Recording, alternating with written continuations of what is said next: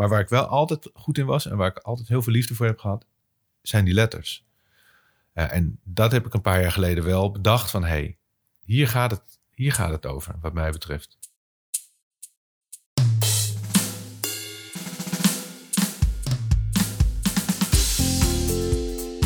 Hey, wat tof dat je luistert. Dit is de Creatiedrift podcast. Mijn naam is Ruben Stelly en in deze podcastserie ga ik elke week in gesprek met een inspirerende gast over creativiteit en zijn of haar creatieve leven.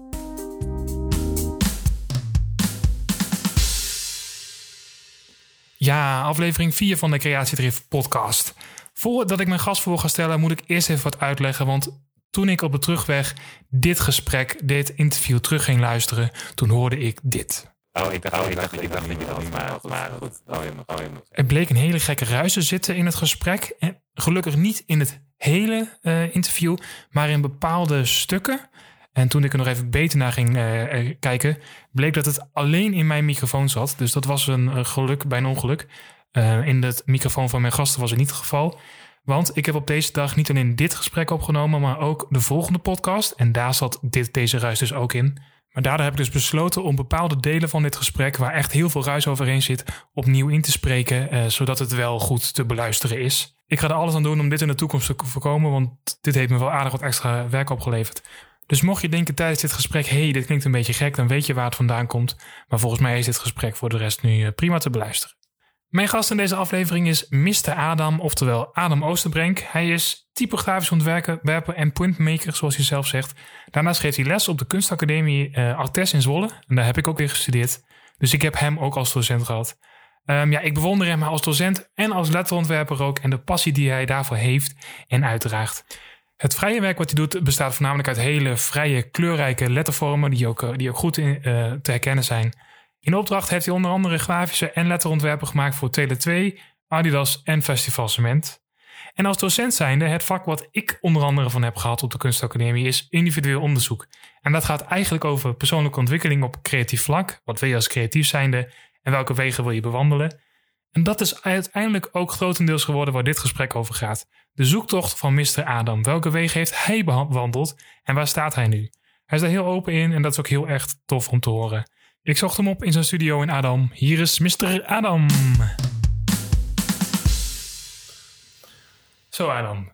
Hallo. Daar zitten we dan. Ja. Mr. Adam trouwens. Ja, van waar Mr. Adam eigenlijk? Omdat mijn naam Adam Oostenbrink een beetje suf klinkt. Vind dus je, zocht, je zocht een artiestennaam? Ik zocht naar een soort van coole artiestennaam. toen kwam het, uh, toen werd het Mr. Ja. Adam. Ja, precies. Maar toen heb ik er uiteindelijk in mijn website heb ik een Mr. Adam type Ah, ja. aan vastgezet. Omdat als je Mr. Adam googelt, dan kom je ook op heel veel gay uh, dingen. Oké, dus er Niks mis wat... mee, maar dat is niet mijn ambitie, zeg maar. Nee, dus dat precies. type erachteraan, dat is af en toe ook een beetje verwarrend. Ja, dus... Um... hey Adam, we gaan het vandaag hebben over, over jou. Over jouw uh, persoonlijke ontwikkeling en over creativiteit. Ik heb één vraag en die wil ik allemaal gasten stellen. Dus, Ja. dus jou ook. Wat maakte jij als kind?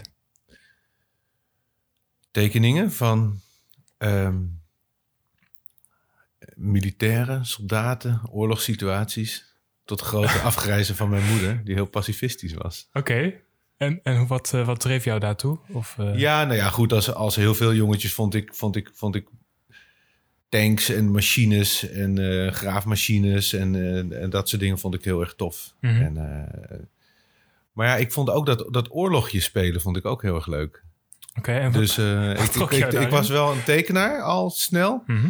Um, in combinatie met oorlogje spelen en ook dingetjes bouwen. Dus we maakten ook um, landschappen met papier maché, met huisjes erin en, en kleine um, militaire poppetjes. Dus bouwden we van die slagvelden, zeg maar. Ja, echt van die, van dat... die landschappen met uh, waar dan het oorlog, uh, oorlogsvelden, zeg maar. Uh, precies, en dan hadden we van die, van die, die huisjes, van die bouwpakketjes. Ja. En die zetten we dan in elkaar en die gingen we dan vervolgens gingen we dan die, gaan we die dan afbranden, zeg maar. Okay.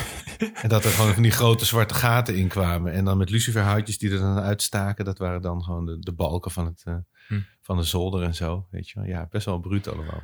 Uh, had je ook nog ambitie om soldaat te worden of het leger Nee, totaal niet. Nee, Oh, ik totaal denk dat het misschien is het wel een reactie op mijn, op mijn pacifistische opvoeding ah, dat geweest. was gewoon een uh, tegenreactie. En, ja, mijn vader die zat ook in de, in de gemeenteraad voor de het voorloper van GroenLinks. Mhm. Pacifistisch-socialistische partij. Oké. Dus het zou ook een reactie kunnen zijn. Ik Ja, weet ja. het niet. Een beetje afzet tegen jou. dus. Ja, ja, ja. Eh, wist je al dat je naar de kunstacademie wou, snel? Of niet? Nee. Eh, maar ik ben, kom wel uit een creatief nest. Dus mijn vader was architect. Mhm. Mijn moeder die, ehm, eh, heeft ook eh kunstacademie gedaan. Mijn opa die heeft lesgegeven op de kunstacademie in Arnhem. Oké. Dus de appel valt niet ver van de boom. Nee, zeg maar. precies. Ja, jij komt uit Amsterdam, toch? Je bent Ik kom uit eh, Bussum, ik kom uit het Gooi. Oh, uit het Gooi. Ja, En, maar je bent uiteindelijk naar Kampen gegaan. ja. Hoe komt een jongetje uit Bussum? Ja, In dat was ook. Ik wist ook niet waar Kampen lag en, eh, ehm, en hoe dat zat. Maar dit, dit was eigenlijk zo. Ik heb toelating gedaan, of tenminste, ik heb me ingeschreven bij Rietveld Academie. Ik heb me ingeschreven in Utrecht en in Utrecht bij de School van Journalistiek. Ja? Bij allemaal ben ik uitgeloten omdat ik veel te laat was. Oh, oké. Omdat ik eh, ja, veel te druk was met blowen en meisjes en graffiti en allerlei dingen, maar niet met mijn toekomst. Mhm. Dus toen op een gegeven moment stond ik met lege handen. En toen dacht ik van, nou ja, dan eh, ga ik wel eh, op wereldreis met mijn vriend David, mijn klasgenootje, een van mijn beste vrienden. Die ging op wereldreis. Ik ga wel met hem mee. Maar ja, dat zag ik toch eigenlijk ook niet zitten. Toen dacht ik, nou dan ga ik wel in dienst. Nou, dat mocht Toch- natuurlijk. toch dat, ja, maar dat mocht natuurlijk niet. Maar goed, dat was niet omdat ik dat wilde. Het was meer omdat ik dacht van, ja, ik moet toch wat. Ja.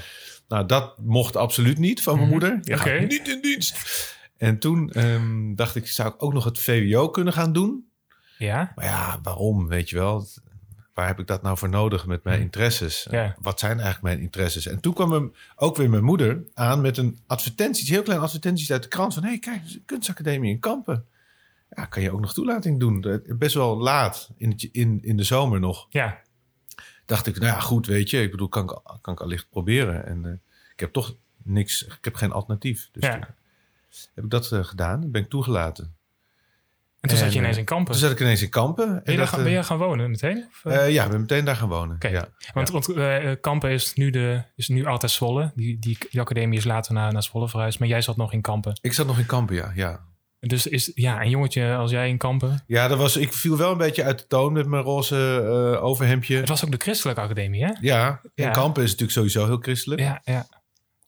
En ik had zo van het halflang haar, weet je wel. En dat, dat, dat, dat, dat, roze overhemdje en eh, het spijkerbroekje. En eh, ze keek me wel een beetje aan. Ook op de kunstacademie van, wat, waar, waar kom jij vandaan? Weet je, niet dat ik een kakker was. Dat nou ook weer niet. Maar ik viel er wel een beetje uit de toon, zeg maar. Ja. Ik was niet, ik zat met heel veel... Ja, begin jaren negentig met heel veel alternatieve mensen en zo eh, in de klas. Ik vond het allemaal geweldig, maar ik, ik was niet echt alternatief. Oké. zeg maar. Maar je was wel rebels. Of, eh, En dat wel in die zin dat ik, ehm, dat ik graffiti deed. Dus dat was wel... In die zin was ik... Ik zag er niet rebels uit, maar ik was het wel. van binnen wel. Van binnen was ik het... Ja, ja nou ja, goed. Ik, ik zet het ook wel om in actie, zeg maar. Ja. Maar eh, je zei graffiti, dus in de zin van eh, s s'nachts op pad en boel Ja. onderkliederen? Of, Ja, nou ja, ik heb dat, dat heb ik daar in die omgeving ook best wel veel gedaan. Ja. Oké. Dat, dat, en dat, daar ging een wereld voor me open. In die zin was ik heel goed op mijn plek daar. Ja. Eh, omdat er gewoon eh, heel veel mogelijkheden waren. Ik heb eh, toen ook veel op, op treinen graffiti gedaan. En dat was allemaal heel erg makkelijk en zo in het oosten van het land. Plus we had- hadden een OV-kaart toen. Ah ja. Dus je kon het hele land doorreizen voor gratis. Dus dat was wel geweldig, ja. Ja. Dus dat heeft me ook wel een jaar van mijn academie gekost, zeg maar. Omdat jij s'nachts altijd bezig ja, was met... omdat ik gewoon echt met andere dingen bezig was. Ook Ja. daar weer met in het eerste jaar heb ik, ik heb wel een propenduizen gehaald. Mhm. Maar toen in het tweede jaar, toen liep ik een beetje vast. Ook dat eerste jaar heb ik net hakken over de sloot gehaald. Ik vroeg me toch ook een beetje af, wat ben ik hier aan het doen? Ik vond het heel vaag allemaal. Je vond het heel vaag. Ja, de, de opleiding, Oké. zeg maar. Dat, eh, dat, ja, ik wist niet zo goed wat ik ermee moest nog. Oké, ja. Ehm, en toen eh, in het tweede jaar, toen eh, ben ik eh, heel veel bezig geweest met een soort van tweede leven. Dat leefde ik eigenlijk s'nachts meer dan overdag. Oké. Dus was overdag een paar uurtjes school en dan s'nachts Ja, pad? ja, ja. ja Dat was jouw... Ja, dat was, en dat lukte natuurlijk uiteindelijk niet. En ik, ik vroeg me toen ook heel erg af van, shit, wat doe ik hier? En, maar toen is wel, op een gegeven moment in dat tweede jaar ergens, is toen wel dat kwartje gevallen. Toen is wel op een gegeven moment dacht ik van, hé, hey, wacht eens even. Nee, ik ben hier wel op, dit is wel... Dus ik moest eerst blijven zitten, hè? Oh ja, ja. Ik moest Mhm. eerst blijven zitten.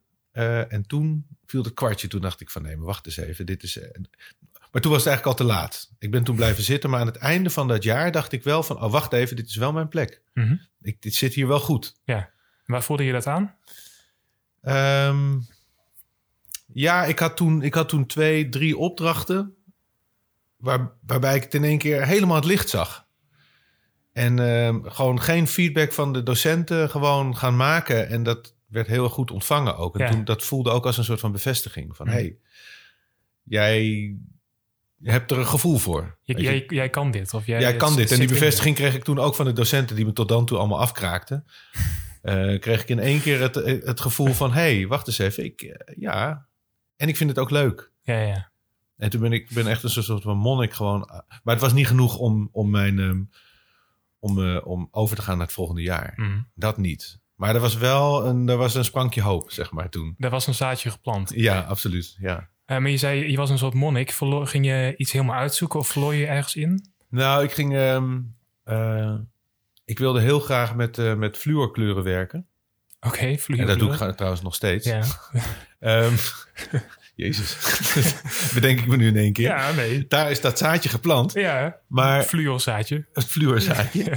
Ehm, maar dan kon je dus alleen maar in papier, eh, grote vellen papier krijgen. Ik Oh ja. bedoel, eh zeefdruk, dat was me nog niet echt, waar was ik nog niet echt aan toe of zo. En Mhm. andere technieken, echt iets printen of wat dan ook. Dat, eh, ja, eh, we zeggen, digitale technieken bestonden nog niet echt. En Het was ook nog het voor computertijdperk. voor, het was pre-computertijdperk. En, en bovendien, fluor zou je natuurlijk nooit uit een printer kunnen printen. Nee, maar nee, dat ook inderdaad. ik dacht wel van, hé, hey, de enige manier om dit te doen... en dan had ik een typografische affiche gemaakt... is om al die fucking lettertjes uit te gaan zitten snijden.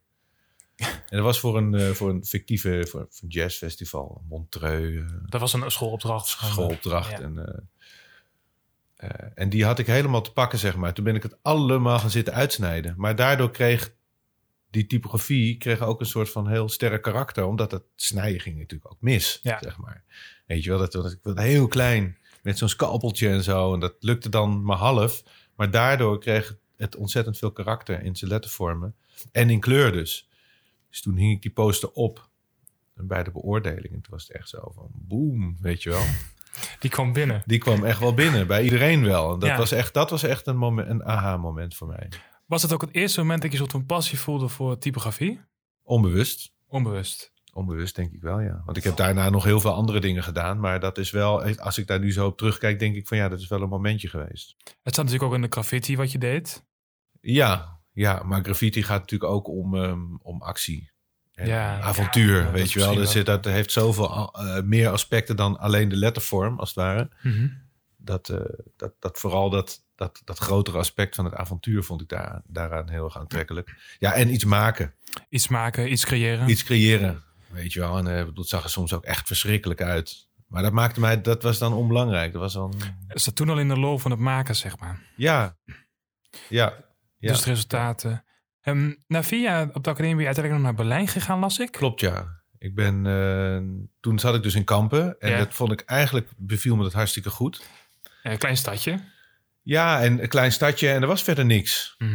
Weet je wel, dus je moest het echt met elkaar doen daar. Ah, ja, het was een Eh, soort van eilandje, de academie. Ja, nou ja, je had nog wel andere opleidingen. Je had ook nog theologie, Oké. eh, journalistiek, theaterschool was er ook nog. Mhm. Nu is er helemaal niks meer. Eh, maar dat was wel, dus dat was een klein stadje met toch een, een soort van student, studentencultuurtje. Ah, ja, ja, ja. Maar in het weekend had je er gewoon echt niks meer te zoeken, want dan waren de boeren gewoon echt de baas. Ja, Ja, en dan kreeg je alleen maar ruzie in de discotheek en zo, weet je wel. Dat vonden die boeren dan leuk om dan student, studentjes te gaan pesten en zo. ja, precies. Dat is gewoon heel irritant. Dus ehm, het werkte wel heel goed daar in Kampen, omdat je gewoon een ontzettend sterke band met elkaar had. Mhm. Het was een beetje wij tegen, tegen de rest van de wereld. Eh, en de academiefeesten waren legendarisch. Er waren nooit feesten.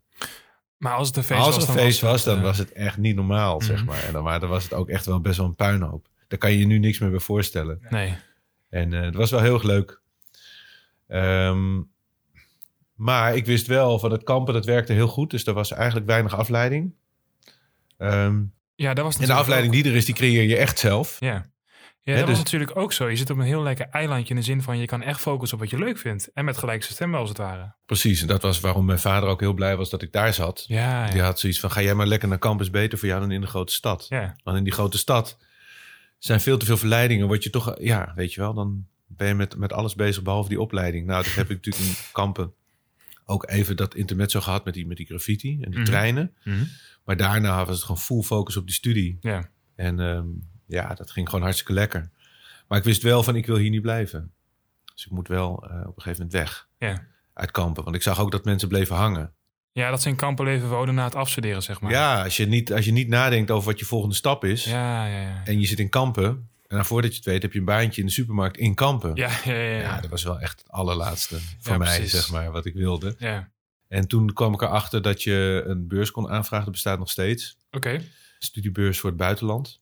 Dat was dan via de, via de VSB-bank. Ah, ja, ja, ja, ja, precies. Studiebeurs. En die, dat bestaat geloof ik nog steeds. Ja, het VSB-fonds is er nog steeds. VSB-fonds, ja, precies. ik ken het, ja. En ehm, toen heb ik dat eh, eens uitgezocht. En toen dacht ik van, hé, hey, dit ga ik doen. Eh, toen heb ik een klasgenootje van mij eh, benaderd en gezegd van... hé, hey, deze mogelijkheid is er. En ik was met hem al op uitwisseling geweest in Engeland. Mhm. Halverwege de academie. Ja, oké. En dat was, eh, ik had een hele goede klik met hem.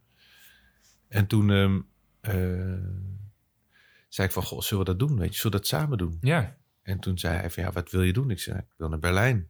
Berlijn? Hoezo Berlijn? Weet je wel, dat, eh, Duitsland, man, dat kan toch niet en zo.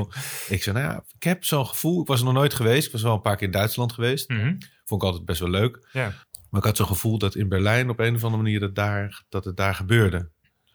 Eh, het was natuurlijk, nou ja, het was niet zo heel erg lang na de val van de muur. Dat wil zeggen, het was... Het was Eind jaren negentig was dat Eind jaren negentig. Dus nou ja, goed, dat was nog redelijk vers. Mhm. En ehm, ik vond het wel spannend. En toen zei hij van, nee, nee, dat gaan we niet doen. We gaan naar Parijs. Ik zei, nou, toen kwamen we uiteindelijk op. Weet je wat we doen? We gaan proberen gewoon een half jaar Parijs, half jaar Berlijn. En, en ik ga eh, eh, proberen om eh, Parijs dan te regelen. Mhm. Want ik praat best wel goed Frans. Oké.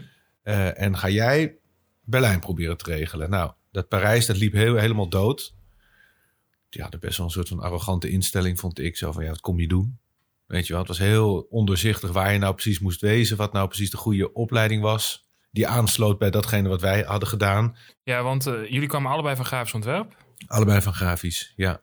En eigenlijk van de docenten, die hadden eigenlijk ook niet echt contacten in Parijs. Dus het was een beetje, beetje vaag. Mhm. En ik, ik, ik liep daar echt een beetje tegen een soort van muur aan daar in Parijs. Van, ik kreeg niet het gevoel dat ze ons wilden hebben. Nee, je had geen welkom gevoel van kom maar hier. nee, absoluut niet. En toen dacht ik ook echt zo van, ja, weet je, bekijk het maar. Ik wilde sowieso naar Berlijn. En daar waren ze heel enthousiast. Kijk. Ehm, dus toen zijn we daar naartoe gegaan. En toen eh, hebben we ja, ons werk laten zien, portfolio laten zien. En eh, zeiden ze nou, kom maar, weet je wel. Wat ons betreft mag je komen. Ehm, en toen hebben we die eh, hebben een aanbevelingsbrief van hun gekregen. En toen hebben we onze aanvraag doorgezet naar VSB. En toen hebben we eh, die beurs gekregen. En toen konden we een jaar in Berlijn zijn. Dus van Kampen verhuisde jij naar Berlijn. Verhuisde naar Berlijn, ja. Dat was natuurlijk ook wel een grote... Ah, dat was maar één jaar Het ook. één jaar heb ik daar gewoond, ja. ja. Ah, en gestudeerd. En je Eh, ja, ja, ja. Ja, en dan mocht ik mijn studie, mochten we onze studie zelf inrichten. Oké, dus je zat niet echt in een klas daar, zeg maar. Nee, we hebben, hebben eigen programma's samengesteld. Waaronder ook bijvoorbeeld eh, dat we een semester met eh, Lucas de Groot eh, hebben meegedaan. Dat is een Nederlandse letterontwerper die, Mhm. daar, die daar woont en werkt al eigenlijk al, al tientallen jaren, zeg maar. Maar dat heb je op haar eigen initiatief gedaan, zeg maar. Ja, zij boden ons dat aan. Van nou, je, je hebt je diploma op zak als je komt. Ja. Dus ja, zij vonden het in Berlijn vooral interessant als wij zouden komen als een soort van inspirator of aanwezigheid voor hun studenten. Ah, omdat er iemand van buiten komt. Ja, iemand van buitenaf nieuwe komt, die, brengt gewoon andere ideeën met zich mee. En dan brengt een andere cultuur met zich mee. Dat is sowieso interessant. Dus, Mhm. ehm, dus we hebben bepaalde lessen meegedaan met het tweede jaar, met het derde jaar. eh, weet je wel, we hebben een beetje van alles en nog wat gedaan. Oh, dus het was niet zo dat je een bepaalde groep zou die uit het buitenland Nee, nee. kwam. Zeg nee, maar. we hebben gewoon echt datgene gedaan wat, wij, wat, wat we interessant leken zeg maar, in, het programma. Mhm. En eh, in de jaren na het afstuderen, zeg maar, wist je al wat je voor jezelf ging? Je bent toen het ontwerpbureau Design Ja. Begonnen? Nou ja, dat precies. Ik ben toen in Berlijn, zat ik daar met Ruben, Ruben Abel, ja. mhm. die nog steeds designarbeid eh, heeft. Mhm.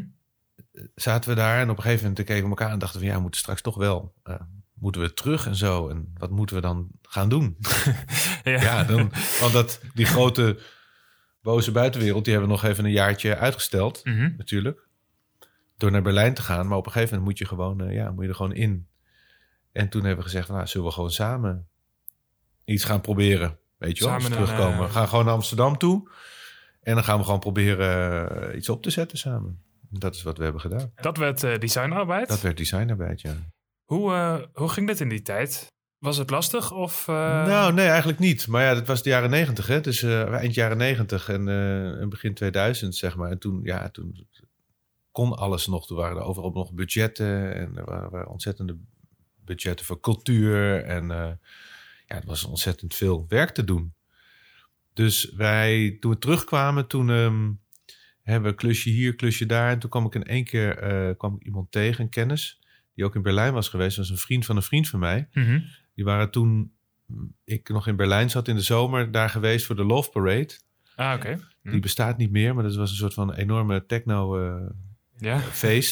Gewoon in de stad. Mhm. Eh, dat is een ja, aantal jaren, dat, ja, het bestaat niet meer inmiddels. Maar dat was gewoon eh, buiten. Nou ja, daar komen honderdduizend mensen op af. En er zijn gewoon verschillende feesten door de hele stad. En die hadden toen eh, een paar grote tanks lachgas meegenomen. en die gingen daar lachgas verkopen. Dus was, en die waren er heel vroeg bij, Die zeg maar, waren die de gasten. tijd vroeg vooruit, zeg maar. En eh. eh, die hebben ontzettend veel geld verdiend toen. Oké. Dat was echt wel geweldig, zeg maar. En ehm, dus ik heb met hun eh, die Love Parade meegemaakt en lachgasballonnen verkocht en zo. En toen en nog eh, feestjes geweest en eh, lekker uit eten van al het geld. En toen hadden ze nog eh 5000 eh Mhm. Deutschmark over. Het was echt was heel erg leuk, een paar dagen. Toen ik terugkwam, kwam ik een van die jongens tegen. Ik zeg, hey, hoe is het? Ja, goed, goed. Ik zeg, wat doe je nou? Nou, ik werk nu als assistent bij, ehm, bij de marketingafdeling van Paradiso. Toen zei ik van, hey, dan moet ik jou hebben. En ik zei van, kan ik jou mijn portfolio, of onze portfolio niet? Paradiso had een eh, hele traditie met affiches, zeg maar, die door verschillende ontwerpers gemaakt werden. Ja, precies. Dat was toen, dat was toen nog zo. Dat is Ja, steeds nee, minder, precies. maar Dat inderdaad. was toen het geval, zeg maar. Precies. En ehm, ja, Paradiso is natuurlijk gewoon de, de plek toen. En ik bedoel, nog steeds. Ik kom nog steeds heel graag aan Paradiso. Ik was er vorige week, was ik er ook nog. Mhm. Eh, ik vind het nog steeds een hele bijzondere plek. En eh, ja, om voor hun te kunnen werken, dat zou wel te gek zijn. En Ja. dat is ook een springplank. Ja, zeker. En ehm, dat werkte ook zo. Dus op een gegeven moment een portfolio laten zien. En toen ehm, heeft, heeft hij, heeft dat, hij heeft die portfolio meegenomen naar Paradiso. En toen daarna werden we uitgenodigd. En zeiden ze van, nou, kom eens praten. En toen hebben we wat kleine klusjes uitgeprobeerd. En toen hebben we eh, ja, een aantal dingen voor hun gedaan. Eh, gewoon flyerwerk, eh, posters, ehm, van alles en nog wat. We hebben nooit echt heel erg vaste voet tussen de deur gekregen in Paradiso. Mhm. Ze werkten heel graag samen met een aantal ontwerpers. Oh, je bent dus nooit de ontwerper of het bureau geweest? nee, nee, nee, nee. Je nee. had nee je, had verschillende, altijd, je, had de programme, je had verschillende programmeurs. Eh, en elke programmeur had eigenlijk zijn eigen vormgever. Ah, ja, ja, ja. En dat was meestal dan een vriendje of een kennis. ja, ja, Ja, ja. zo werkt dat. ja, ja, precies. En eh, daar hebben we wel, we hebben met verschillende mensen samengewerkt. En we hebben echt leuke klussen gedaan ook. Mhm. Maar we zijn nooit echt, echt vaste partners geworden of zo met iemand. Maar toen op een gegeven moment hebben we via Paradiso een project gedaan samen met eh theatergroep Hollandia. Die bestaan inmiddels ook niet meer. Dat is nu, eh, even kijken, dat is nu zuid, eh, Zuidelijk Toneel is dat geworden. Eén deel. En, dan, en dat waren verschillende theatermakers. En eentje is naar, naar Gent gegaan. Mhm. Johan Simons. Nou, het zijn gewoon hele grote theatermannen. Waren dat toen al. En zijn daarna alleen nog maar groter geworden. En, ehm, maar voor hun hebben we toen een boek gemaakt. Omdat we hebben vormgeving samen met hun gedaan voor een festival. En dat beviel aan alle kanten goed, zeg maar. Dat beviel Paradiso goed, dat beviel ons goed. Maar dat viel, beviel Hollandia ook goed. En die hebben toen... Moesten die een jubileumboek hebben. Eh, en eh, ze hadden net dat was dan wel weer onze zegen. Die hebben toen de designpolitie eruit gegooid. Mhm. Die hebben Dept er toen uitgegooid. Oké. Ja, dat waren toen En dat ook al waren toen grote namen, toen grote ja, precies. Ja. Eh, en ehm, eh, toen kwamen ze bij ons terecht. Omdat die samenwerking met die andere clubs niet goed gingen. Ja. Ehm, en toen kwamen ze bij ons terecht. En toen hebben we voor hun een heel mooi boek gemaakt. Eh, wat ook bij Best Verzorgde Boeken terecht is gekomen. Oh ja, in ja, het Stedelijk precies. Museum. Mhm. En dat was, eigenlijk, dat was eigenlijk echt het begin voor ons. Dat was echt een springplank voor designarbeid, zeg maar. Eh. Ja, precies. En dat Paradiso, dat konden we toen gebruiken van eh, mensen zeggen, eh, vragen je, hè, voor wie heb je gewerkt? Ja, voor Paradiso. Oh, cool. Wil je wat voor ons maken? En, Mhm. en dan zeg je van, waar wil je niet weten wat ik voor Paradiso heb gedaan? dat is nee, gewoon joh, beetje- ah, joh, maakt niet uit, het is wel goed. Als je Ja, voor Paradiso precies, hebt ja. gewerkt, dan is het goed. Ja, dat is gewoon een lekkere naam om in je portfolio te hebben, zeg maar. Dus Precies, je kan ja. zeggen van, nou, ik heb daarvoor gewerkt. Maar dat toen vooral dat boek van, van Hollandia, daar hebben we wel iets bijzonders van gemaakt. Eh, en dat, eh, dat viel toen wel op, zeg maar. En daaruit hebben we toen wel heel veel andere boekontwerpopdrachten gekregen, zeg maar. Dus een tijdje lang hadden we echt een soort van specialisatie in boekenontwerp. En dat is zo ontstaan of was het een eh, bewuste Ja, keuze? nee, dat is zo ontstaan. Dat, is, van van, daaruit gekomen. mhm. Dat is vanuit die klus gekomen. Dat zij zeiden, willen jullie... We hadden, daarvoor hadden we ook wel eens een boek voor iemand gemaakt. En nou ja, het is best wel ingewikkeld, Ja, zoals je zeker. zelf weet. Het kan best wel complex En zijn. dan moet je echt even uitvinden hoe dat werkt. Mhm. Maar dus daarvoor hadden we wel kleinere boekopdrachtjes gehad. Dus we hadden wel al een beetje geoefend. Maar dit was echt een eerste serieuze testcase. En die, ja, die was heel geslaagd. En toen, ja, dan krijg je, als dat dan slaagt en dat is succesvol en mensen zien dat, dan krijg je daar meer van. En zo is dat toen gegaan. Toen zijn we gewoon een, een tijd lang hebben we echt eh, best wel wat boeken gemaakt. Ja, ja, ja. Hoe lang heeft designarbeid uiteindelijk geduurd? Een aantal jaar? Eh, ja, een aantal jaar. En toen. ehm, Maar het, eh, het liep gewoon wel. Je had genoeg opdrachten, je kon, eh, je kon rondkomen. ja en nee. Ja, Was het heel erg Want er was wel en even- zoeken? Of, ehm, Nou, er was wel genoeg werk op zich. Alleen, ehm, eh, we kregen niet genoeg betaald. ah, hm. Of wij... Ja, ja, dat is natuurlijk ook wel een puntje. precies. Nou ja, goed, natuurlijk, absoluut. En dat is op het gegeven moment wat, wat mij ook opbrak. Dat ik dacht van, ja, we werken ons helemaal een slag in de ronde. En we maken hele mooie dingen, maar op een of andere manier blijft dat achter, Mhm. weet je wel. En het is gewoon zoveel stress en zoveel gedoe. Ja, ja, ja.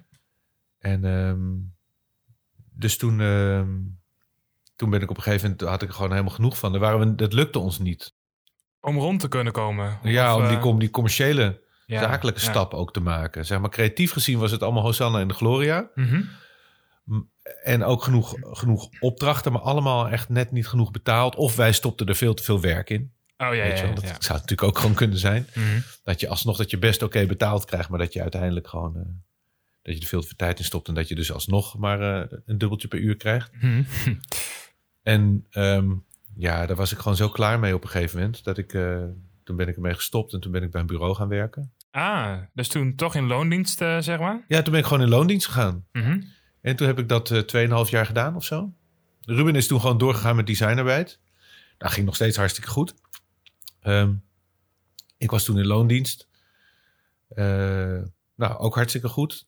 Eindelijk gewoon eens een keertje normaal geld op je rekening hebben. Zekerheid, vastigheid. Nou, niet vastigheid, want het was nog steeds wel een soort van rock'n'roll leven. Maar ja, maar wel gewoon eh, rust Ja, ja, ja. in je hoofd ook. En, ehm, en dat was heel prettig. Alleen toen in dat bureau werd het op een gegeven moment wel heel erg business to business. De opdrachten. En op een gegeven moment, ja, De opdrachten werden commercieel, zakelijk. ja zakelijk. Het was heel zakelijk. Ah ja. En het werd gewoon wat saaier, zeg maar. Mhm. En eh, op zich nog steeds genoeg uitdaging. Maar op een gegeven moment kreeg ik ook met mijn baas, wat een heel erg toffe gast is, nog steeds. Met wie ik nog steeds heel goed kan vinden. Maar die kwam ik gewoon niet uit, omdat hij gewoon dingen ging overroelen. Eh, en ja, toen heb ik op een gegeven moment. En hij had altijd betere argumenten dan ik. Mhm. In de discussie over hoe het eruit moest zien. Of waarom de dingen zo moesten, ze zijn, moesten zijn zoals ze moesten zijn. en ik verloor die discussie altijd. En dat was gewoon heel irritant. Ja. En op een gegeven moment dacht ik van ja, als je mij niet de ruimte geeft. En eigenlijk wil je het gewoon allemaal zelf doen. Maar je hebt mij in dienst omdat je er geen tijd voor hebt. Ja, ga het dan maar ook lekker zelf doen. Weet je ja, wel? precies.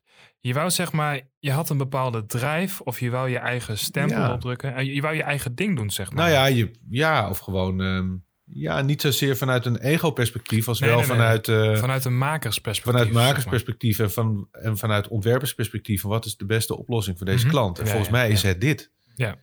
En als je baas dan zegt van nou, volgens mij niet. Volgens mij is het dat. En nou, dan heb je dan een, een gesprek over. En dan moet je met argument, er- argumenten komen. En uiteindelijk ben je nooit zo goed in argumenten als, als je meerdere.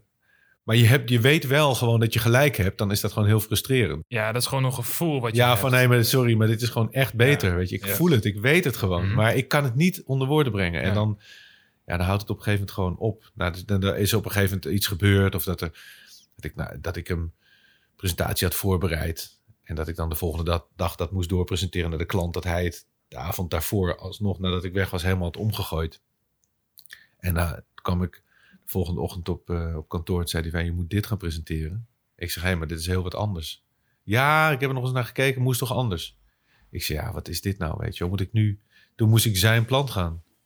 Eh, dus uiteindelijk, ja, dat was voor mij een beetje de druppel. Toen, toen moest ik daar bij die klant dat gaan verkopen en ik heb dat verkocht. Ja, is dat, is dat iemand anders verhaal te verkopen als het ware? Ik zat het verhaal van iemand anders te verkopen, terwijl ik me helemaal had voorbereid op mijn eigen verhaal. En ik bedoel, ik kan het wel, maar zo wil ik niet werken.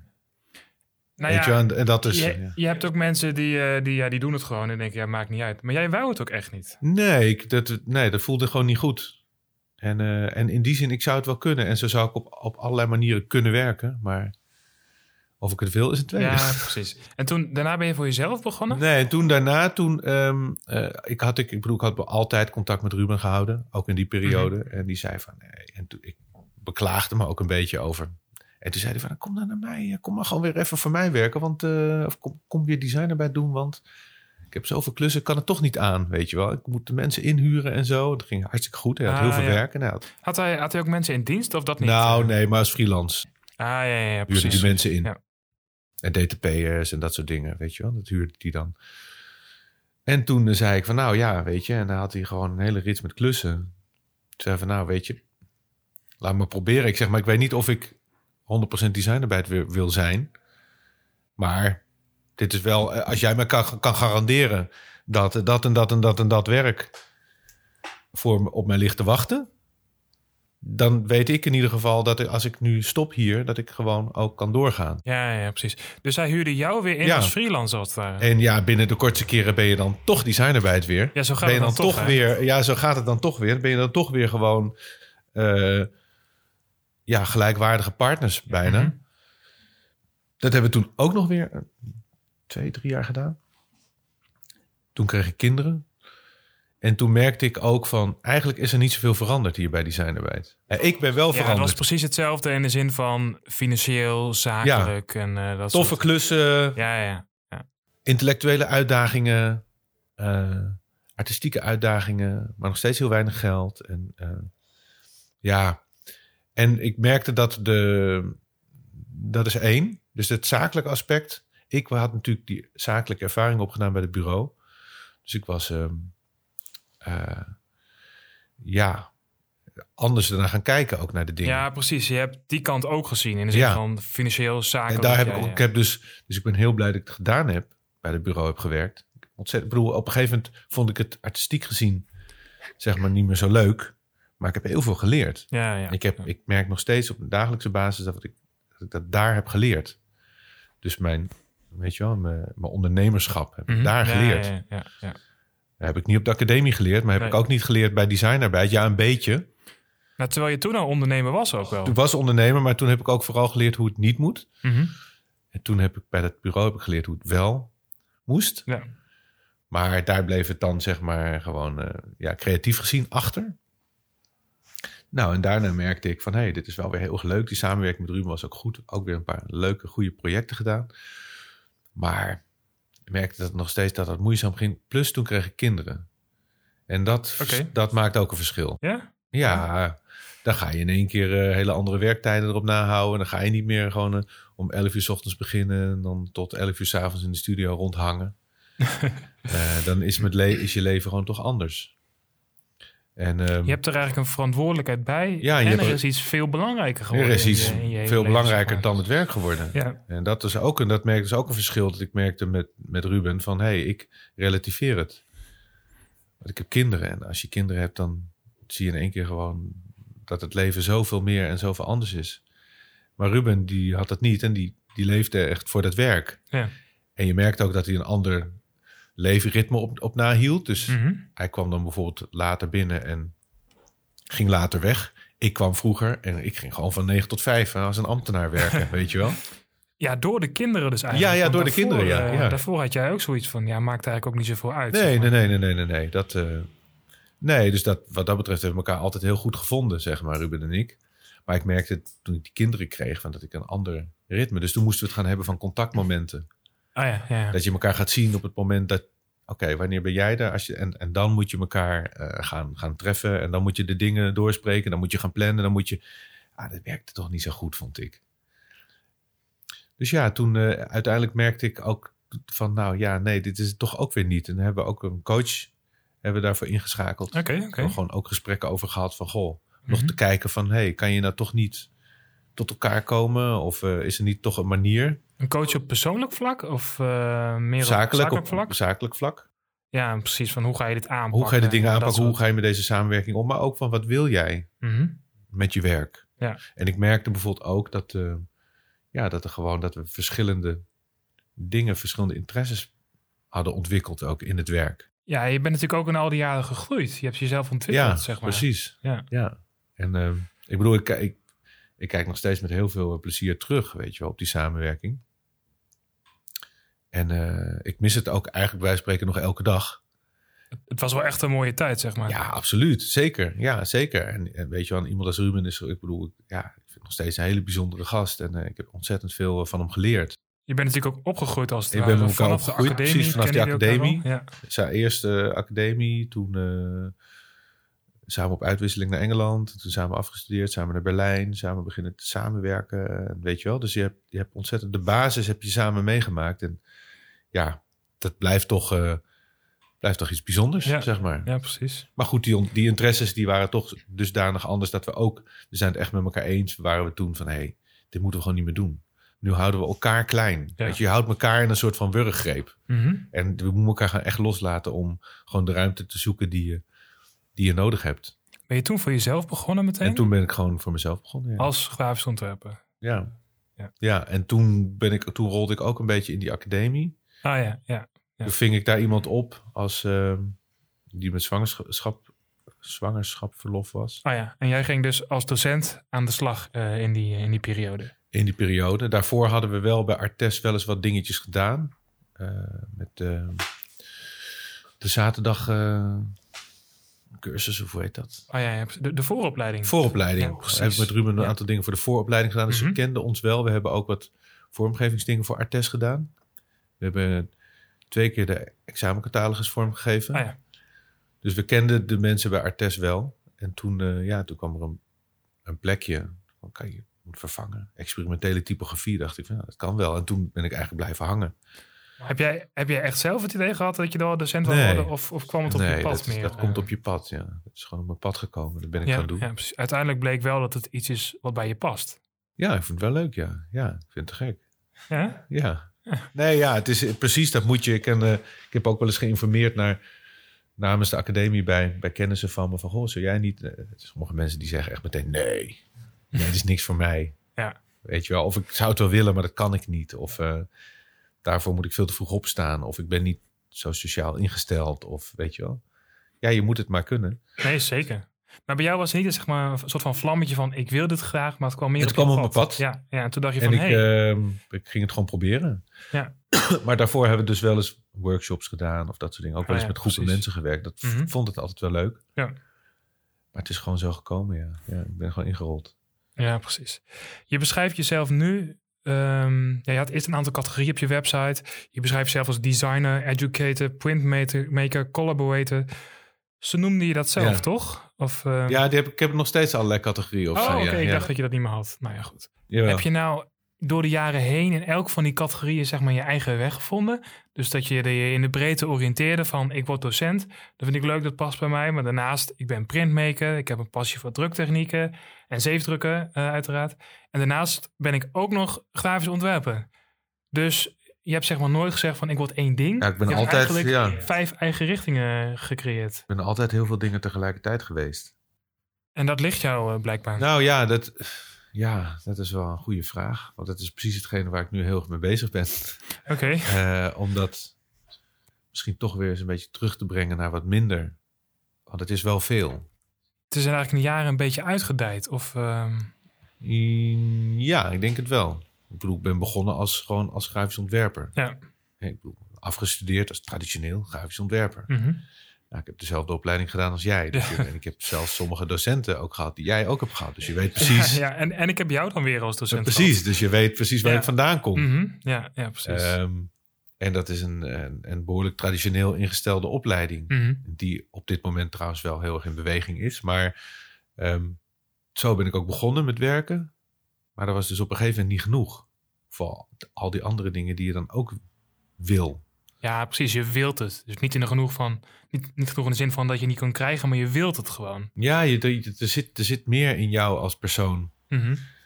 dat je, dan je denkt. Ja, precies. En bijvoorbeeld zeefdruk heb ik altijd, eigenlijk sinds de academie, altijd ook gedaan. Gewoon naast mijn grafisch ontwerppraktijk. Ehm, maar dan was het eigenlijk meer zo van, eh, maak een flyertje voor mijn eigen verjaardagsfeestje. Of, eh, ja, of meer, meer als hobby. zeg een maar. hobby dingetje. Of Ja. maak een eh, geboortekaartje voor een vriendin van me. Eh, en daar maakte ik dan echt een heel leuk ding van, zeg maar. Mhm. En ik dacht op een gegeven moment van, goh, ik zou het wel wat serieuzer willen nemen. Want het is een hele toffe techniek. En ik ben nu echt alleen maar een beetje mee aan het klooien. Maar er kan zoveel meer. Mhm. Eh, plus ik merkte ook dat als je op de kunstacademie bent opgeleid, dat je dus eh, je leert wel toegepaste kunst, maar je wordt ook opgeleid als kunstenaar, toch? Op een of andere manier. Als auteur. Ja, In ieder geval bij Artes is dat, zo. is- bij ja, Artes ligt heel de nadruk op dat jij ook een verteller bent. Je bent een auteur van je eigen verhaal. Ook al ben je, werk je in dienst van een opdrachtgever, je, ja, je hebt altijd je eigen verhaal daar binnen te vertellen. Mhm. En dat vind ik hartstikke leuk, weet je. Dat vind ik ook mooi. Maar ik merkte dus dat we dat op een gegeven moment te veel... met designarbeid... dat we te veel ook en ontwerper en kunstenaar wilden zijn. Dus wat er gebeurde was dat we op een gegeven moment... ook ten koste van opdrachtgevers... een soort van kunstenaar wilden zijn. Ja, precies. En dat, is wel nou natuurlijk net- ook in de mooie Nederlandse traditie... van een Anton Beke of zo, weet je wel. Ja, ja, wel- zeker. ik vind Ja. dat ook wel heel erg mooi. Maar dat moet je wel kunnen. Mhm, Ja. En dat, dat ging niet altijd goed bij ons, laat ik het zo zeggen. Ja, als je, als je in opdracht werkt, dan is het uiteindelijk gewoon echt een samenwerking. Het is een soort van 50-50 tussen opdrachtgever Ja. en ontwerpen. En er moet wel een soort van balans Ja, in en zijn. soms moet jij natuurlijk wel je opdrachtgever meenemen naar onbekend terrein. Ja, ja, ja, nee. Dat, Want als je dat zeker, niet ja. doet, dan ga je daar nooit komen. Ja, precies. Dus je moet wel met stappen durven maken met die opdrachtgever. Maar je moet wel altijd in het oog houden van wat is het probleem dat die opdrachtgever heeft? Of wat is het, wat wil deze persoon nou communiceren? Welk product moet er verkocht worden? Wat is de doelgroep? Dat soort dingen, ja, weet je wel. precies. En ja. dat gingen we op een gegeven moment een beetje uit het oog verliezen. Waardoor je ook in conflict situaties met opdrachtgevers komt. ja, En ja. ja, ja dat is natuurlijk eh, niet de bedoeling. Het, het is soms ook lastig uit te leggen aan opdrachtgevers als je iets wil maken, als je een bepaalde motivatie hebt. Maar dat het dan net in de weg zit van de belangen of ideeën van de opdrachtgevers, zeg maar. Ja, ja, ja. ja. En ehm, toen kwam ik dus eigenlijk achter van... hé, hey, maar eh, dit, dit is niet de manier. Misschien moet ik... een, dat, weet je als een kunstenaar wil zijn... moet ik daar gewoon een eigen platform voor creëren. Ja, een eigen podium, zeg maar. Zo, weet je wel. Dus toen, en toen in combinatie met dat safe druk... toen ben ik en via een, via een opdrachtgever... toch via een opdrachtgever... Mhm. via een platenlabel die op een wel experimentele manier wilde werken. Oh ja. Heb ik toen dat zeefdruk ook geïntroduceerd in mijn werk. Mhm. En ben ik bijvoorbeeld gewoon custom platenhoesen gaan zeefdrukken. Eh, en, en dat soort dingen. En toen, kreeg, toen werd, dat, werd die techniek die werd belangrijker. En, en, en ik creëerde daarnaast met een vriend van me, een, eh, een visualizer, creëerden we een eigen platform waarbinnen we samen gingen werken met andere mensen. Ja, je kreeg dus ook echt de ruimte van het label om je eigen dingen te brengen. Om je kunstenaarschap achteraan Ja. te gaan. Eigenlijk een platenlabel is natuurlijk wel wat dat betreft een ideale opdrachtgever. Ja, ja, het gaat zeker, gewoon ook om een soort van vrije expressie. Mhm. muziek is ook is gewoon kunst, weet je wel. En dan mag je in één keer kunst maken bij andere kunst. Ja, dat is dus te gek. Ja, ja. En dus daar kon dat dan wel. Plus dat eigen platform wat we dan, eh, wat ik dan begonnen was. En toen kreeg ik naast mijn werk in één keer eh, een hele andere manier van werken. Namelijk veel vrijer. En eh, ja, dat liep ook een beetje uit de hand. Dat was best wel succesvol. Oké.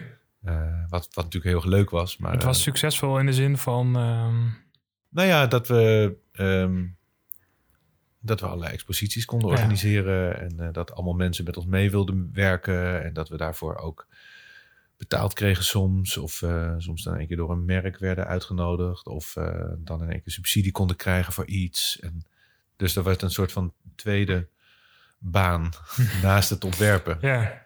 En die ging eigenlijk over het organiseren van samenwerking, collaboration Mhm. experiment, zeefdruk, eh, maar ook organiseren. Hè, dus expo organiseren met een leuk feestje erbij, en een DJ en dat soort dingen. En dat werd een soort van, eh, ja, dat, dat, dat werd eigenlijk een, een nieuwe dimensie ook. Mhm. Je zei net dat je, dat je er nu weer middenin zit. Ben je nou weer aan het kijken van... eh, moet ik misschien toch een richting kiezen? Of moet ik een keuze gaan maken? Of eh, hoe... Ja, omdat ik ehm, merk dat ik veel dingen tegelijk toe. Ja, Het is te veel, zeg maar. Ik vind het een beetje te veel. En ik doe ook dingen die ik misschien niet altijd even leuk vind. Wat natuurlijk ook... Kijk, ik denk altijd... ik heb tot nu toe altijd gezegd... Ja, weet je, hoe meer ijzertjes ik in het vuur heb... hoe meer kans op werken. Het is natuurlijk ook zo, weet je wel. Als er ergens aan de ene kant iets opdroogt... omdat er even geen opdrachten vandaan komen... dan is er altijd wel weer daar wat te doen. En dan is er altijd wel weer een, eh, iemand die vraagt om een workshop te doen. Of ik heb natuurlijk altijd het lesgeven. Of ik kan altijd vrijwerk maken... wat ik inmiddels ook best aardig kan verkopen. Mhm. Dus er is altijd wel wat te doen. Maar ehm, eh, ja, ik praat ook met een loopbaancoach daarover nu. En die zei op een gegeven moment... eh, ja, je schiet ook met hagel. Mhm. Dus je raakt ja. altijd wel wat. Ja, precies. Maar je gaat niet echt voor de kill. Nee. En dat, die heb ik wel in mijn oren geknoopt. Toen dacht ik wel even van... hé, hey, dat is wel wat er nu aan de hand is. Dat ik doe... Ik heb zoveel categorieën inmiddels. Ja, ja, ja, precies. Het voelt mij, voor mij ook wel een beetje alsof je denkt vanuit het schaarste. Dus dat je bang bent dat alles Ja. opdroogt uiteindelijk. Dus dan kan je maar beter over wat dingen hebben liggen. Dan is er altijd, is er altijd wel wat om handen. Ja, en dan heb je in ieder geval altijd werk. ja. En dat is natuurlijk, dat is natuurlijk, daar geloof ik nog steeds in. En dat is wat ik mijn studenten ook zeg: van hey, doe alles. Ga, ga fotografie proberen, ga filmen, ga tekenen, ga knippen, ga plakken.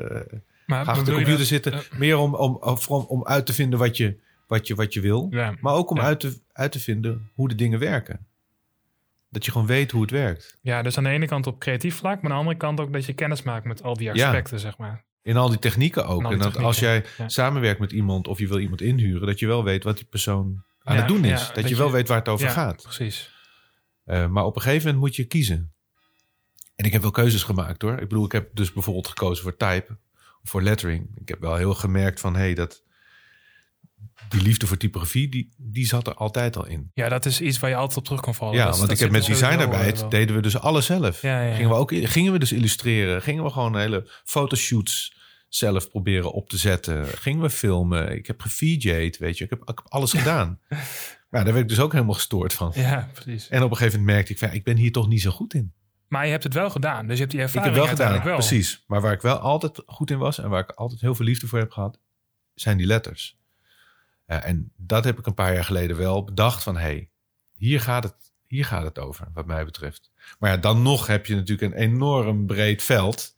Dus daarbinnen kan je dan, kan je of moet je dan misschien ook weer eh, een beetje het, het wat smaller gaan maken. Ja, ik kan me ook best voorstellen dat het ook een soort van rust geeft. Dat alfabet is wel echt jouw passie. Dat is jouw ding. Dus daar kan je altijd weer op terugvallen, ja. als het ware. Ja, precies. En, en, maar daar wil ik nog meer op toespitsen. Want ik doe alles wat ik doe, heeft daar nu mee te maken. Heeft te maken met lettervormen en taal. Maar ja, eh, het zijn nog steeds gewoon eh, zes sporen waar ik op, op ga.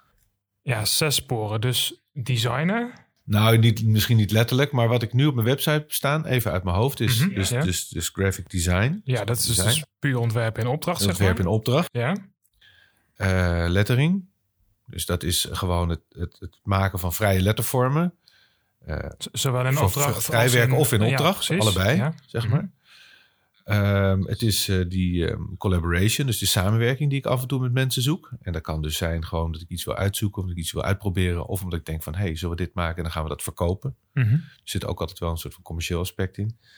Ehm, dan heb je het, eh, het workshops en het lesgeven. Dus ik geef les bij Artes één dag in de week. En ik doe workshops. Workshops in zeefdrukken? Of? Zeefdruk, schabloondruk, Ah ja. eh, maar ook uh, lino-sneden of eh, experimentele lettervormen, eh, drukken, vinyldruk, eh, van alles en nog wat. Ik werk ook met, eh, met basisscholen soms. Ik ben nu ook bezig met een basisscholenproject, waarbij we een alfabet aan het ontwikkelen zijn voor een school. Op basis van de lettervormen van de kinderen, van groep 1 tot en met 8. Dus dat is, ja, er zit ook een workshop element in. Mhm. Mhm. Uh, en dan heb je natuurlijk het. Uh, en dan heb je dus het. Het zijn vijf sporen volgens mij. En dan heb je dus het, het drukken. Ja, precies. Het maken, het zelf Het, het zelf safe drukken, RISO uh, printen, lino-snedes maken. Gewoon zelf vrij drukwerk maken voor exposities of verkoop. Mhm. Dus het Ja. zijn, eigenlijk zijn het dan vijf sporen. Die elkaar ook af en toe overlappen, uiteraard. Ik bedoel, Ja, nou, er zit heel veel overlapping in. Ik bedoel, ik denk nu wel, nu denk ik ook van waarom zijn dat, heb ik dat eigenlijk allemaal onder aparte kopjes geschaard. Want Heb je dat nou uiteindelijk voor jezelf gedaan, zodat je een beetje inzicht krijgt van, Ja. ja, oké, dit doe ik ongeveer en zo zit Nou ja, het. omdat ik zelf en mensen gewoon heel, niet een helder beeld hadden van wat ik nou eigenlijk aan het doen was. En ik zelf op een gegeven moment ook niet. Dat ik dacht van, nou, oké, dat type is in ieder geval één ding. Mhm, ja. En daarbinnen moet ik categorieën aanbrengen. Want dit is allemaal wat ik doe. Dus tot voor kort was ik daar heel tevreden mee. En dacht ik van, hé, hey, dit is echt een, ja, dit is een mooi overzicht van wat ik allemaal doe. ja, ja. Maar als ik er nu kritisch naar kijk, dan denk ik van, poeh, misschien moet ik terug naar minder op een of andere manier. Maar daar, ik bedoel, daar zit ik middenin in dat onderzoek. Dus daar kan ik nog niet het zo is heel veel natuurlijk ook over een zeggen. proces, hè? Dat is een proces. En ik moet wat dat betreft ook niet te veel vooruit kijken. Nee. Ik moet vooral ook even kijken, nu terugkijken naar wat heb ik allemaal gedaan tot nu toe. Mhm. En, eh, en hoe voelt dat? Ja, wat vind ik leuk, wat vind ik minder leuk? Waar zit de energie? Waar zit de energie? Ja, ja precies. En waar loopt de energie weg? Mhm. nu, nu praat ik een beetje mijn coach na. Hè? Ja, ja, Eh, ja, goed. waar waar kreeg je, van welke rol kreeg je nou energie? En van welke rol eh, had je het gevoel dat de energie wegliep? Nou ja, ja, dat is... eh, ja. Maar als je dat zo op papier zou kunnen zetten, zou je dan heel duidelijk kunnen zeggen van, nou ja, daar zit het in en daar niet? Of, eh, Nou, dat heb ik hoe, al eh, gedaan. En dat, eh, dat, dat werkt dan ook wel zo. En bij sommige, eh, sommige rollen is dat nog natuurlijk heel onduidelijk. Weet ik het gewoon nog niet. Maar van sommige dingen weet ik nu al van... dit moet ik gewoon echt niet meer doen. Ja? En kan je dat al zeggen? Of eh, is dat nog niet... eh, Ehm, nou ja, bijvoorbeeld het werken met... ehm, eh, in- workshop werken met, eh, met bepaalde groepen. Kinderen bijvoorbeeld. Die, eh, waarbij ik dan voornamelijk bezig ben met het motiveren. Oh ja, ja, ja. Zo van, nou, dan zijn ze in ieder geval lekker aan het werk. Mhm. Ja, dat is niet genoeg. Nee, weet je wel. Ik wil ergens naartoe. Dus je merkt ook binnen workshops, je, je hebt gewoon doelgroepen. Verschillende groepen. Ik bedoel, ik heb ook workshops gegeven voor reclamebureaus, zeg maar. Dan zit je met allemaal creatieven. Dan denk je van, nou, dat is wel geweldig. Maar dat valt eigenlijk ook bijvoorbeeld best wel tegen, zeg maar.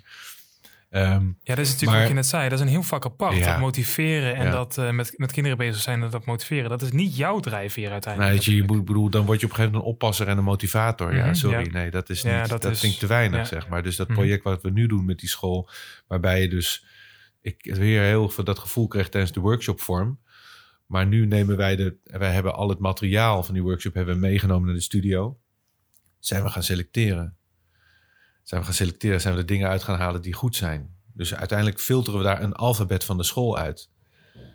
En dan heb, doe je dat binnen de rust van je studio. in overleg met elkaar. En er zijn geen kinderen bij, er zijn geen docenten bij. En dan in één keer dan ga, je, ga je kijken naar vorm.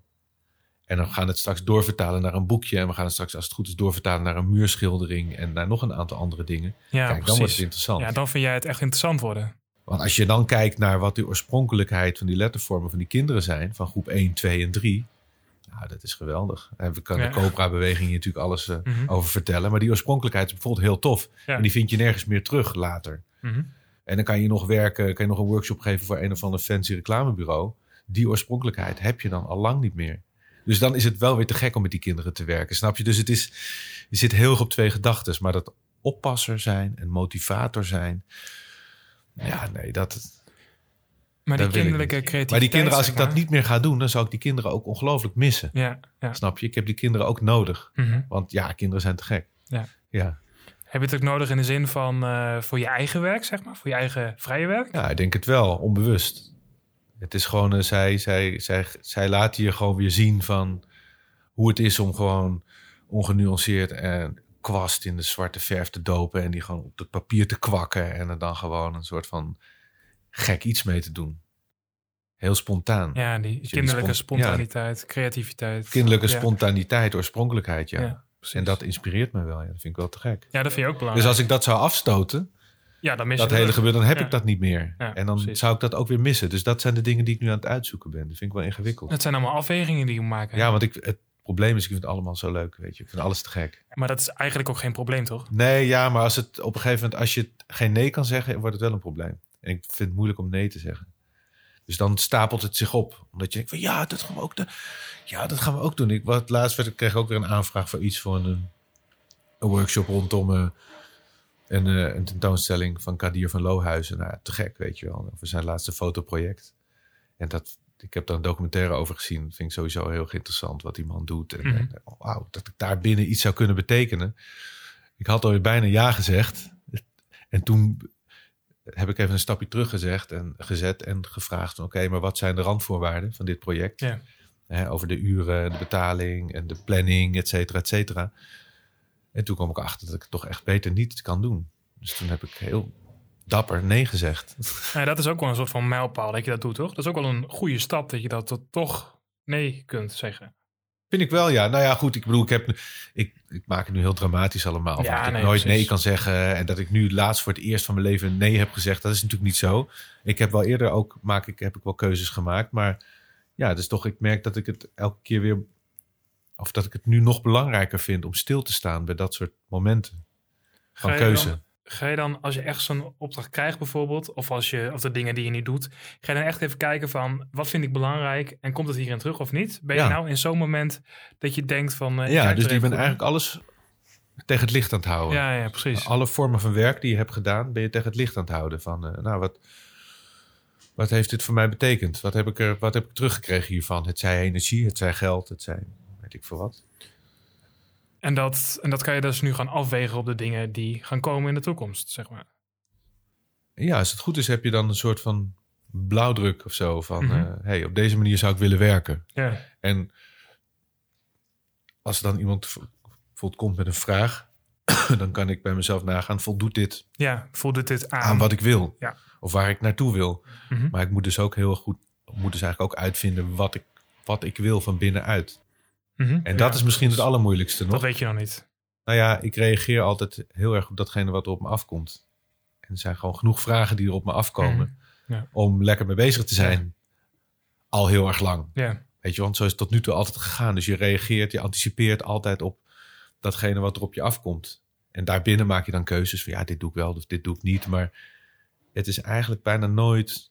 Nou ja, het is niet helemaal waar. Want dat, dat, dat platform naast designarbeit, dat heb ik natuurlijk wel vanuit mezelf ontwikkeld. Wat wil ik? Ik wil eh, gewoon meer expressie in mijn werk stoppen. Maar het is ook een reactie op iets wat ik zie gebeuren binnen designarbeit. Dus ik ben daar nog niet helemaal over uit. Want het, maar dat, dat van binnen naar buiten krijgen wat je wil en richting geven. het is natuurlijk ook geen status quo wat je bereikt. Het is een proces wat altijd zal duren, als het ware. Ja, In dat, jaren. dat is wel waar, ja, natuurlijk. Daar zou je altijd mee bezig blijven. Ja. Dat is wat ik mijn studenten ook altijd duidelijk maak. En als ik, ik, ik presenteer mezelf naar hun ook altijd als, eigenlijk als een van hun nog steeds. Mhm, Omdat ik ja. denk van, ja, weet je, ik ben ook nooit klaar. Nee. nu ook weer dat we gewoon eh mijn studenten het hebben over. Ik begeleid dan de studenten tweedejaars op dit moment in web presence.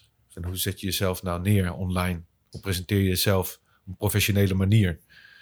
Nou, dan laat ik ook altijd mijn eigen eh, zoektocht zien. Ja, En dan laat ik ze, ik heb ze gisteren nog gewoon laten zien van ja, nou ja, dit is mijn website. En tot voor kort was ik er heel tevreden over. Maar als ik er nu naar kijk, dan denk ik van ja, shit, weet je wel, dit is gewoon, dit klopt niet. ja. Dus en ik, ik ben al zo lang bezig en dat klopt nog steeds niet. Dus Maar gaat het ooit kloppen? Of, eh, gaat het ooit kloppen? Nee. Leer er maar mee leven. Ja, precies. Ja, we zijn hier eigenlijk even bij jouw do- docentschap op Attes. Ehm, is er iets wat jij eh, jouw studenten wil meegeven? Is er iets bijzonders waarvan je denkt van... nou, dat vind ik echt belangrijk dat ik aan mijn studenten meegeef uiteindelijk? Nou ja, ik wil eigenlijk mensen. Ik, ik zie mezelf meer als een coach van Als coach, studenten. ja. ik zie mezelf niet als een, eh, als een soort van leermeester of zo. Ik zie mezelf meer als een coach. Ik probeer ze te, te stimuleren en te inspireren om gewoon het beste uit zichzelf te halen. Of datgene uit zichzelf te halen dat erin zit. Ik Mhm. bedoel, ze, komen daar, ze zijn daar niet voor niks. Ze hebben daar, zijn er allemaal aangenomen op basis van een, een talent of een vuurtje dat er ergens van binnen brandt. Er is iets, Er ja, is anders iets zit je dat- ook niet. Anders ehm, dan trek je het ook niet. Nee, zeg maar. anders kom je daar ook niet naartoe. Er, er, moet, er zit iets in, er moet Mhm, iets uit, ja. zeg maar. En Ja. dat, ja, en ik probeer ze daar gewoon zo goed mogelijk bij te begeleiden. En ik probeer me ook, wat dat betreft, steeds meer teruggetrokken op te stellen. Ze moeten het echt zelf doen, zeg maar. Ik probeer alleen de randvoorwaarden te creëren, waarbij zij kunnen, ja, kunnen excelleren of zo. Waarbij zij zichzelf kunnen laten zien. Dus ik probeer gewoon leuke opdrachten te bedenken, stimulerende opdrachten te bedenken, waarbij zij, waarbinnen zij dan gewoon hun gang kunnen gaan. En je kijkt ook echt per student van wat heeft hij nodig? Wat kan ik die geven? Wat kan ik diegene bieden? Zeg. Vaak is het, eh, is het ook wel een soort van individueel proces, ja. Ehm, maar ook, doe ook veel klassikaal. Ik vind dat ze elkaar ook daarbij moeten, moeten helpen. Mhm. Dat je ook naar elkaar moet kijken en eh, voor elkaar moet, eh, elkaar moet van advies moet voorzien. En Ja. Leren eerlijk zijn naar elkaar toe over van als iets niet goed is of als je twijfel hebt. Of, eh, Kwetsbaar durven zijn daarin ook. ja, Mhm. absoluut. Ja, zeker. Maar het is inderdaad, i- iedere student is een, is een andere. Dat klopt, ja. Dus het is altijd een ander traject. Mhm. Ja. Het is ook wel typisch kunstacademie of typisch attest, denk ik. Die persoonlijke benadering van wat wil de student, wat zit erin. En ja, ja eigenlijk dat vuurtje vinden waar je het, eh, waar je het zo net over had eigenlijk. ja, ja, absoluut. Zeker. En wat dat betreft is het gewoon... eh, eh, op dit moment is in de, in de opleiding waar ik lesgeef bij comic en, en animatie design, is het animation design, is de rode lijn is ook het, het individueel onderzoek. Ja, ja, precies. Hè, dus, dus alle studenten die hebben gewoon één rode lijn door hun, door hun opleiding en dat is het individueel onderzoek. En dat is leidend. Dus het gaat helemaal niet meer. We geven helemaal geen cijfers meer voor de vakken. Ik geef een vak. Even bij mij heb je een 6. Heb je een 7 en bij hem heb je een 8. Nou, 6 plus 7 plus 8 Mhm. gedeeld door 3. Nou, wat is dan het gemiddelde? Zo werkt het niet. Mhm. Het gaat erom van eh, hoe ontwikkel jij je, jezelf. Ja, ja, ja. Eh, en die vakken die helpen jou daarbij. En zelf geef je ook aan, probeer je aan te geven met hulp van ons, wat die rode lijn is voor jou. Wat jouw onderzoek moet zijn. De, de hele academie is eigenlijk ook een soort van, ehm, ja, hoe moet ik het zeggen, een zoektocht naar jezelf eigenlijk. Hè? Dat is de, de, de leidraad door de hele op- eh, opleiding van, ja, wie ben ik en wat wil ik maken? Ja, absoluut. Zeker. En, eh, Ja, het kunstenaarschap natuurlijk ook. Dat Ja. gaat er ook heel erg over natuurlijk. en ik heb nu te maken met de studenten van jaar 1 tot en met het eindexamenjaar. En dat vind ik wel heel leuk, want dan zie je dat echt. Ja, dan zie je het hele proces. Bij de eerste jaar zie je gewoon dat het echt nog heel erg uitvinden is van... mijn god, ja, wat dan? Weet je wel, dat herken ik ook heel erg. Ja, Dus wat ik vooral met de studenten doe, is gewoon heel veel experimenteren. Gewoon heel veel met materiaal bezig zijn. Gewoon heel veel uitproberen. Technieken. Mhm. En, eh, en, en maken met je handen. En gewoon kijken waar het dan waar het gebeurt voor jou. proberen. Proberen, heel veel uitproberen inderdaad. Maar ook wel een soort van eh, kinderlijke speelsheid, zeg maar, willen Ja, aanvakken. ja, ja. Je vrij ja, absoluut. Ja, zeker. Ja, ja. Gisteren een hele dag, eh, of een hele middag, gewoon een hele grote tafel vol met allemaal bergen. Gewoon kopietjes en knipsels en plaksels. En alleen maar knippen, plakken, collages maken, bijvoorbeeld scheuren. Ja, gewoon maken, gewoon combinaties doen. maken. Gewoon maken, ja. En dan vervolgens dat weer meenemen naar een volgende stap binnen die opdracht. Maar eh, ja, heel erg vanuit het maken. Dat is natuurlijk ook het mooie van het vak als creatief zijn. Dat je uiteindelijk Ja. gewoon echt iets gemaakt hebt. Echt iets Ja. tastbaars hebt. Alleen, je, ja, je moet er natuurlijk wel een bepaalde... eh, het, is, het is op een gegeven moment natuurlijk niet alleen maar meer maken. Nee, nee, nee, er komen meer dingen bij kijken. Maar uiteindelijk is dat wel een soort van drive, zeg maar, dat, dat maken. Er zijn zoveel mensen die dingen, die dingen doen waarvan je denkt, ja, wat doe je nu eigenlijk? Maar als maken, Ja. je maakt echt iets. Je laat zien, dit heb ik gemaakt en hier ben ik mee bezig, zeg maar. Ja, ja. Nou ja, en dit wordt heel inzichtelijk. Het wordt een, gewoon een beeld, Ja. als het goed is. Een, of, Ja, of een film. of een andere discipline Of een andere discipline. Maar het, is, het, het wordt iets tastbaars, Mhm. inderdaad. En dat is natuurlijk wel... eh, ik geloof dat dat heel veel... Wat dat betreft dat creatieve vak heel veel voldoening geeft. Dat je altijd concreet iets afrondt. Ja, ja.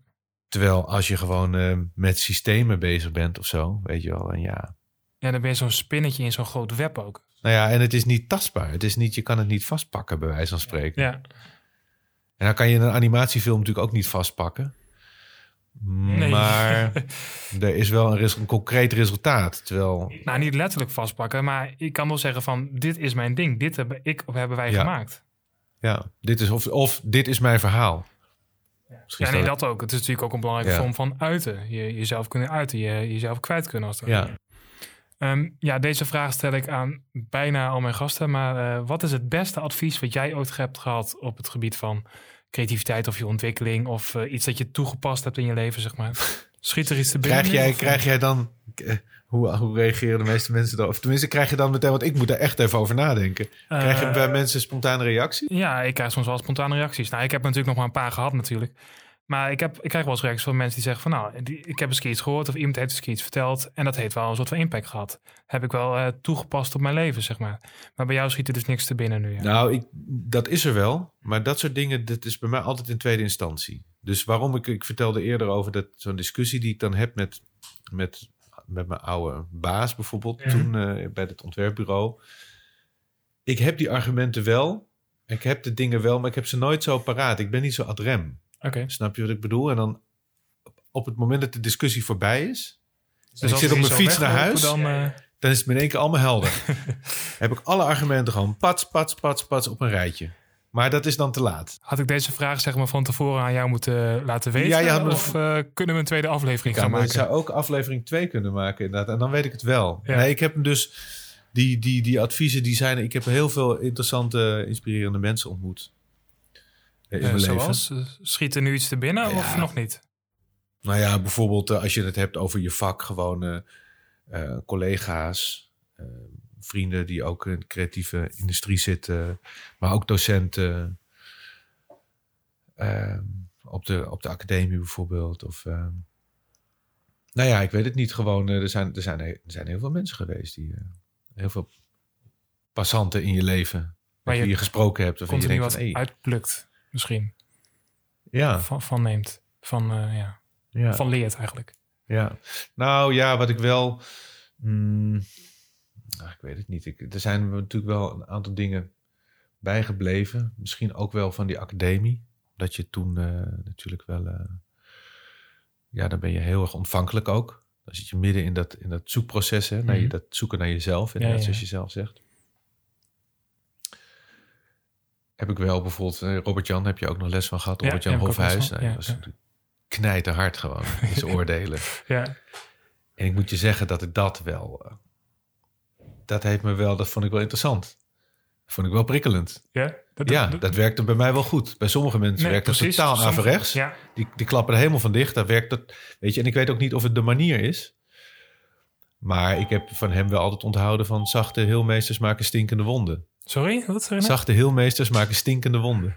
En, en wat bedoelt hij daarmee? Nou, dat is een uitdrukking van. eh, eh, eh, dus als je te lief bent. Ja. En je moet, als iemand, als iemand ziek is, bij spreken, als je bij de heelmeester, hè, de heelmeester is een oud woord voor dokter. Mhm. misschien moet er gewoon echt even een flink stuk weggesneden worden. En dat doet even pijn. Ja, dan moet je even Maar dan moet, je, dan moet je echt even doorheen. Dat moet echt even helemaal, of, hè, of die, Ja. die arm, die moet er gewoon af. Sorry. Ja, ja, ja. Nou, als je je arm wel, kan wel eraan laten zitten, maar goed, dan, eh, dan gaat het rotten. Mhm. Ja. Hij moet er echt af. Ja. Sorry. Heel kut voor je. Ehm, Maar- maar is- En Robert-Jan was wel zo'n type. ja, maar het is uiteindelijk, uiteindelijk goed voor je, zeg maar. Je hebt het Uiteindelijk is het goed voor je. En ik bedoel, ik probeer dat. Dat is iets wat ik wel altijd. Het is niet het beste advies wat ik ooit in mijn leven heb gekregen. Maar dat is wel iets wat mij. eh, wat me bij is gebleven. Zijn aanpak, zeg maar. Zijn harde aanpak. Ja. En eh Peer Dobbelsteen is er ook zo een. Zeker. Maar ik, zit ik er nog had- aan, ik zit er nog aan te denken om hem ook te interviewen in deze Dat zou ik zeker doen, ja. Ja. ja. En eh, dus dat, eh, dat vond ik wel goed. Maar tegelijkertijd heb ik bijvoorbeeld ook heel veel gehad aan, een, aan iemand, ook een docent op de kunstacademie, Joshua Jansen.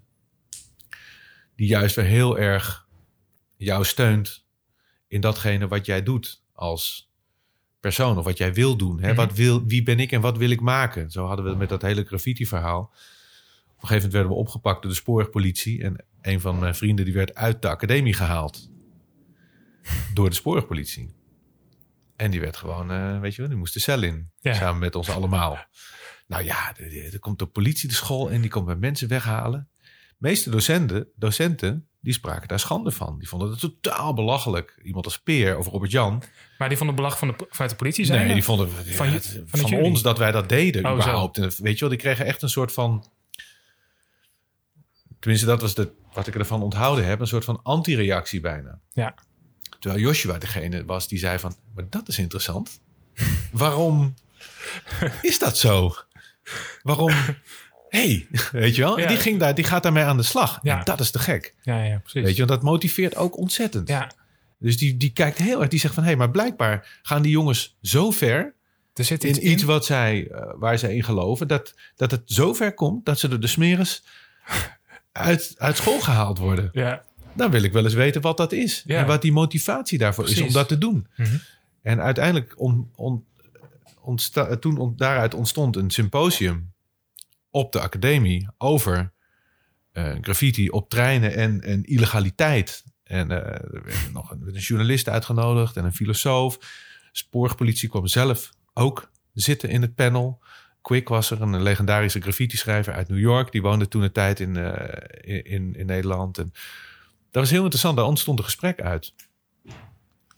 Nou ja, dat, dat heeft ook heel veel indruk op mij gemaakt. Dat je dus, dit is ook een manier van er naar kijken. Ja. Dus je hebt de Robert-Jan-methode, de, de, de harde lijn, zeg maar. Peer zit daar ook een beetje in, aan die kant, zeg maar. Maar Joshua is dus iemand van de, van de zachte aanpak. En van het, begrip, het begripvolle. Ja. En, eh, en dat is ook heel waardevol, weet je wel. Dus Ja, als student kan je van alles wat plukken. En eh, ja, dat is dus Ja. trouwens niet alleen zo met docenten. Is denk ik het, het hele leven wel zo. ja, Ehm, maar ik kan me wel voorstellen, sommige docenten, nee, sorry, sommige leerlingen waar ik mee zat, die kozen bewust niet voor de hardere docenten, zeg maar. Terwijl ik daar juist wel heel erg door getriggerd Ja, werd. Dus eh, dat is maar net wat, wat, wat, ja, wat bij jou past. bij je past, ja. wat bij je past. En ik, ik vond eigenlijk, ik dacht, volgens mij heb ik toen heb ik van Robert Jan geleerd van, hé, hey, je moet niet zo bang zijn, weet je. En als ik jou afkraak, dat wil niet zeggen dat ik jou als persoon Nee. afkraak, maar ik kraak jouw werk af. Je Precies. werk is kut. ik vind je- jou hartstikke aardig, Ja, maar hey, strictly business. en dat vind ik wel, vond ik wel heel leerzaam. Van, hey, kom op man, eh, weet je wel, het is, het is maar werk. ja, maar dat is überhaupt dat je dat verschil ziet, hè? Daartussen. Dat, Ja. je, dat jij niet je werk bent en dat je werk niet jou is. Dus Ja, terwijl je dat wel bent natuurlijk, toch ook. Ja, ja. nee, maar als, als je er kritiek op krijgt, dat het niet op de persoon is, maar het gaat uiteindelijk over het werk wat je levert. Of wat, eh, ja. en, en diegene wil je uiteindelijk ook maar alleen maar verder helpen. Precies. En dat is dan, en dan kom je terug op die uitdrukking van die zachte heelmeesters maken stinkende wonden. Ja. Dat is dat, wat, wat dat is, denk Ja, ik. Precies. En ik, niet dat ik dat nu zelf heel erg toepas bij mijn studenten hoor. Ik ben gewoon eigenlijk al heel aardig iemand, zacht iemand. Maar wat ik wel heb gemerkt, is dat elke keer op het moment dat ik denk van, en nou is het genoeg, weet je wel. En ik sla mijn vuist op tafel, dat het wel helpt. Ja, dus dan schrikt iedereen Dus- even wakker. Ja, ja, ja. Dus je hebt wel een soort van. eh Ja, ik- hebben wel respect voor jou, zeg ik, maar. zet het, ik zet het in gewoon af en toe. Ja, bewust. Ja, op het moment dat ik denk van, en nu is het even nodig, weet je wel. En ik doe het altijd met tegenzin. Want het is niet wat, wat jou is. Dat zit niet in mijn aard. Nee. Maar ik, dan denk ik altijd van, maar dat is nu even goed om eventjes eh, even een poort te geven, weet je wel. Ja, precies. Ja. Hey eh, Adam, dankjewel. Ik denk dat dit een mooie afsluiting is. Of heb je zelf nog iets te vertellen? Nee, hoor. Nee? Dit is, eh, er is al zoveel gezegd. Ja, ik zit nog even na te denken over het beste advies. Maar die, die hoor je nog een keer van me. Ja. Daar verzin ik waarschijnlijk straks over een kwartier als je weg bent. ja, dan kan je hem altijd even inspreken. Dan plak ik hem hier achteraan. En dan, Precies. eh, Ja, zoiets, ja. ja. Hey, eh, super bedankt Adam. Jij ook. Ja, ik heb geen geluidsfragment meer ontvangen van Adam. Dus waarschijnlijk is er niks meer in hem opgekomen. Eh, ja, dat was weer deze aflevering van de Creatiedrift podcast. Super bedankt voor het luisteren. Heb je tips, vragen of opmerkingen... dan kun je mailen naar podcast.rubenstelly.nl. Je kan ook mijn website bezoeken uiteraard www.rubenstelly.nl. En voor nu wens ik je nog een hele, hele fijne dag.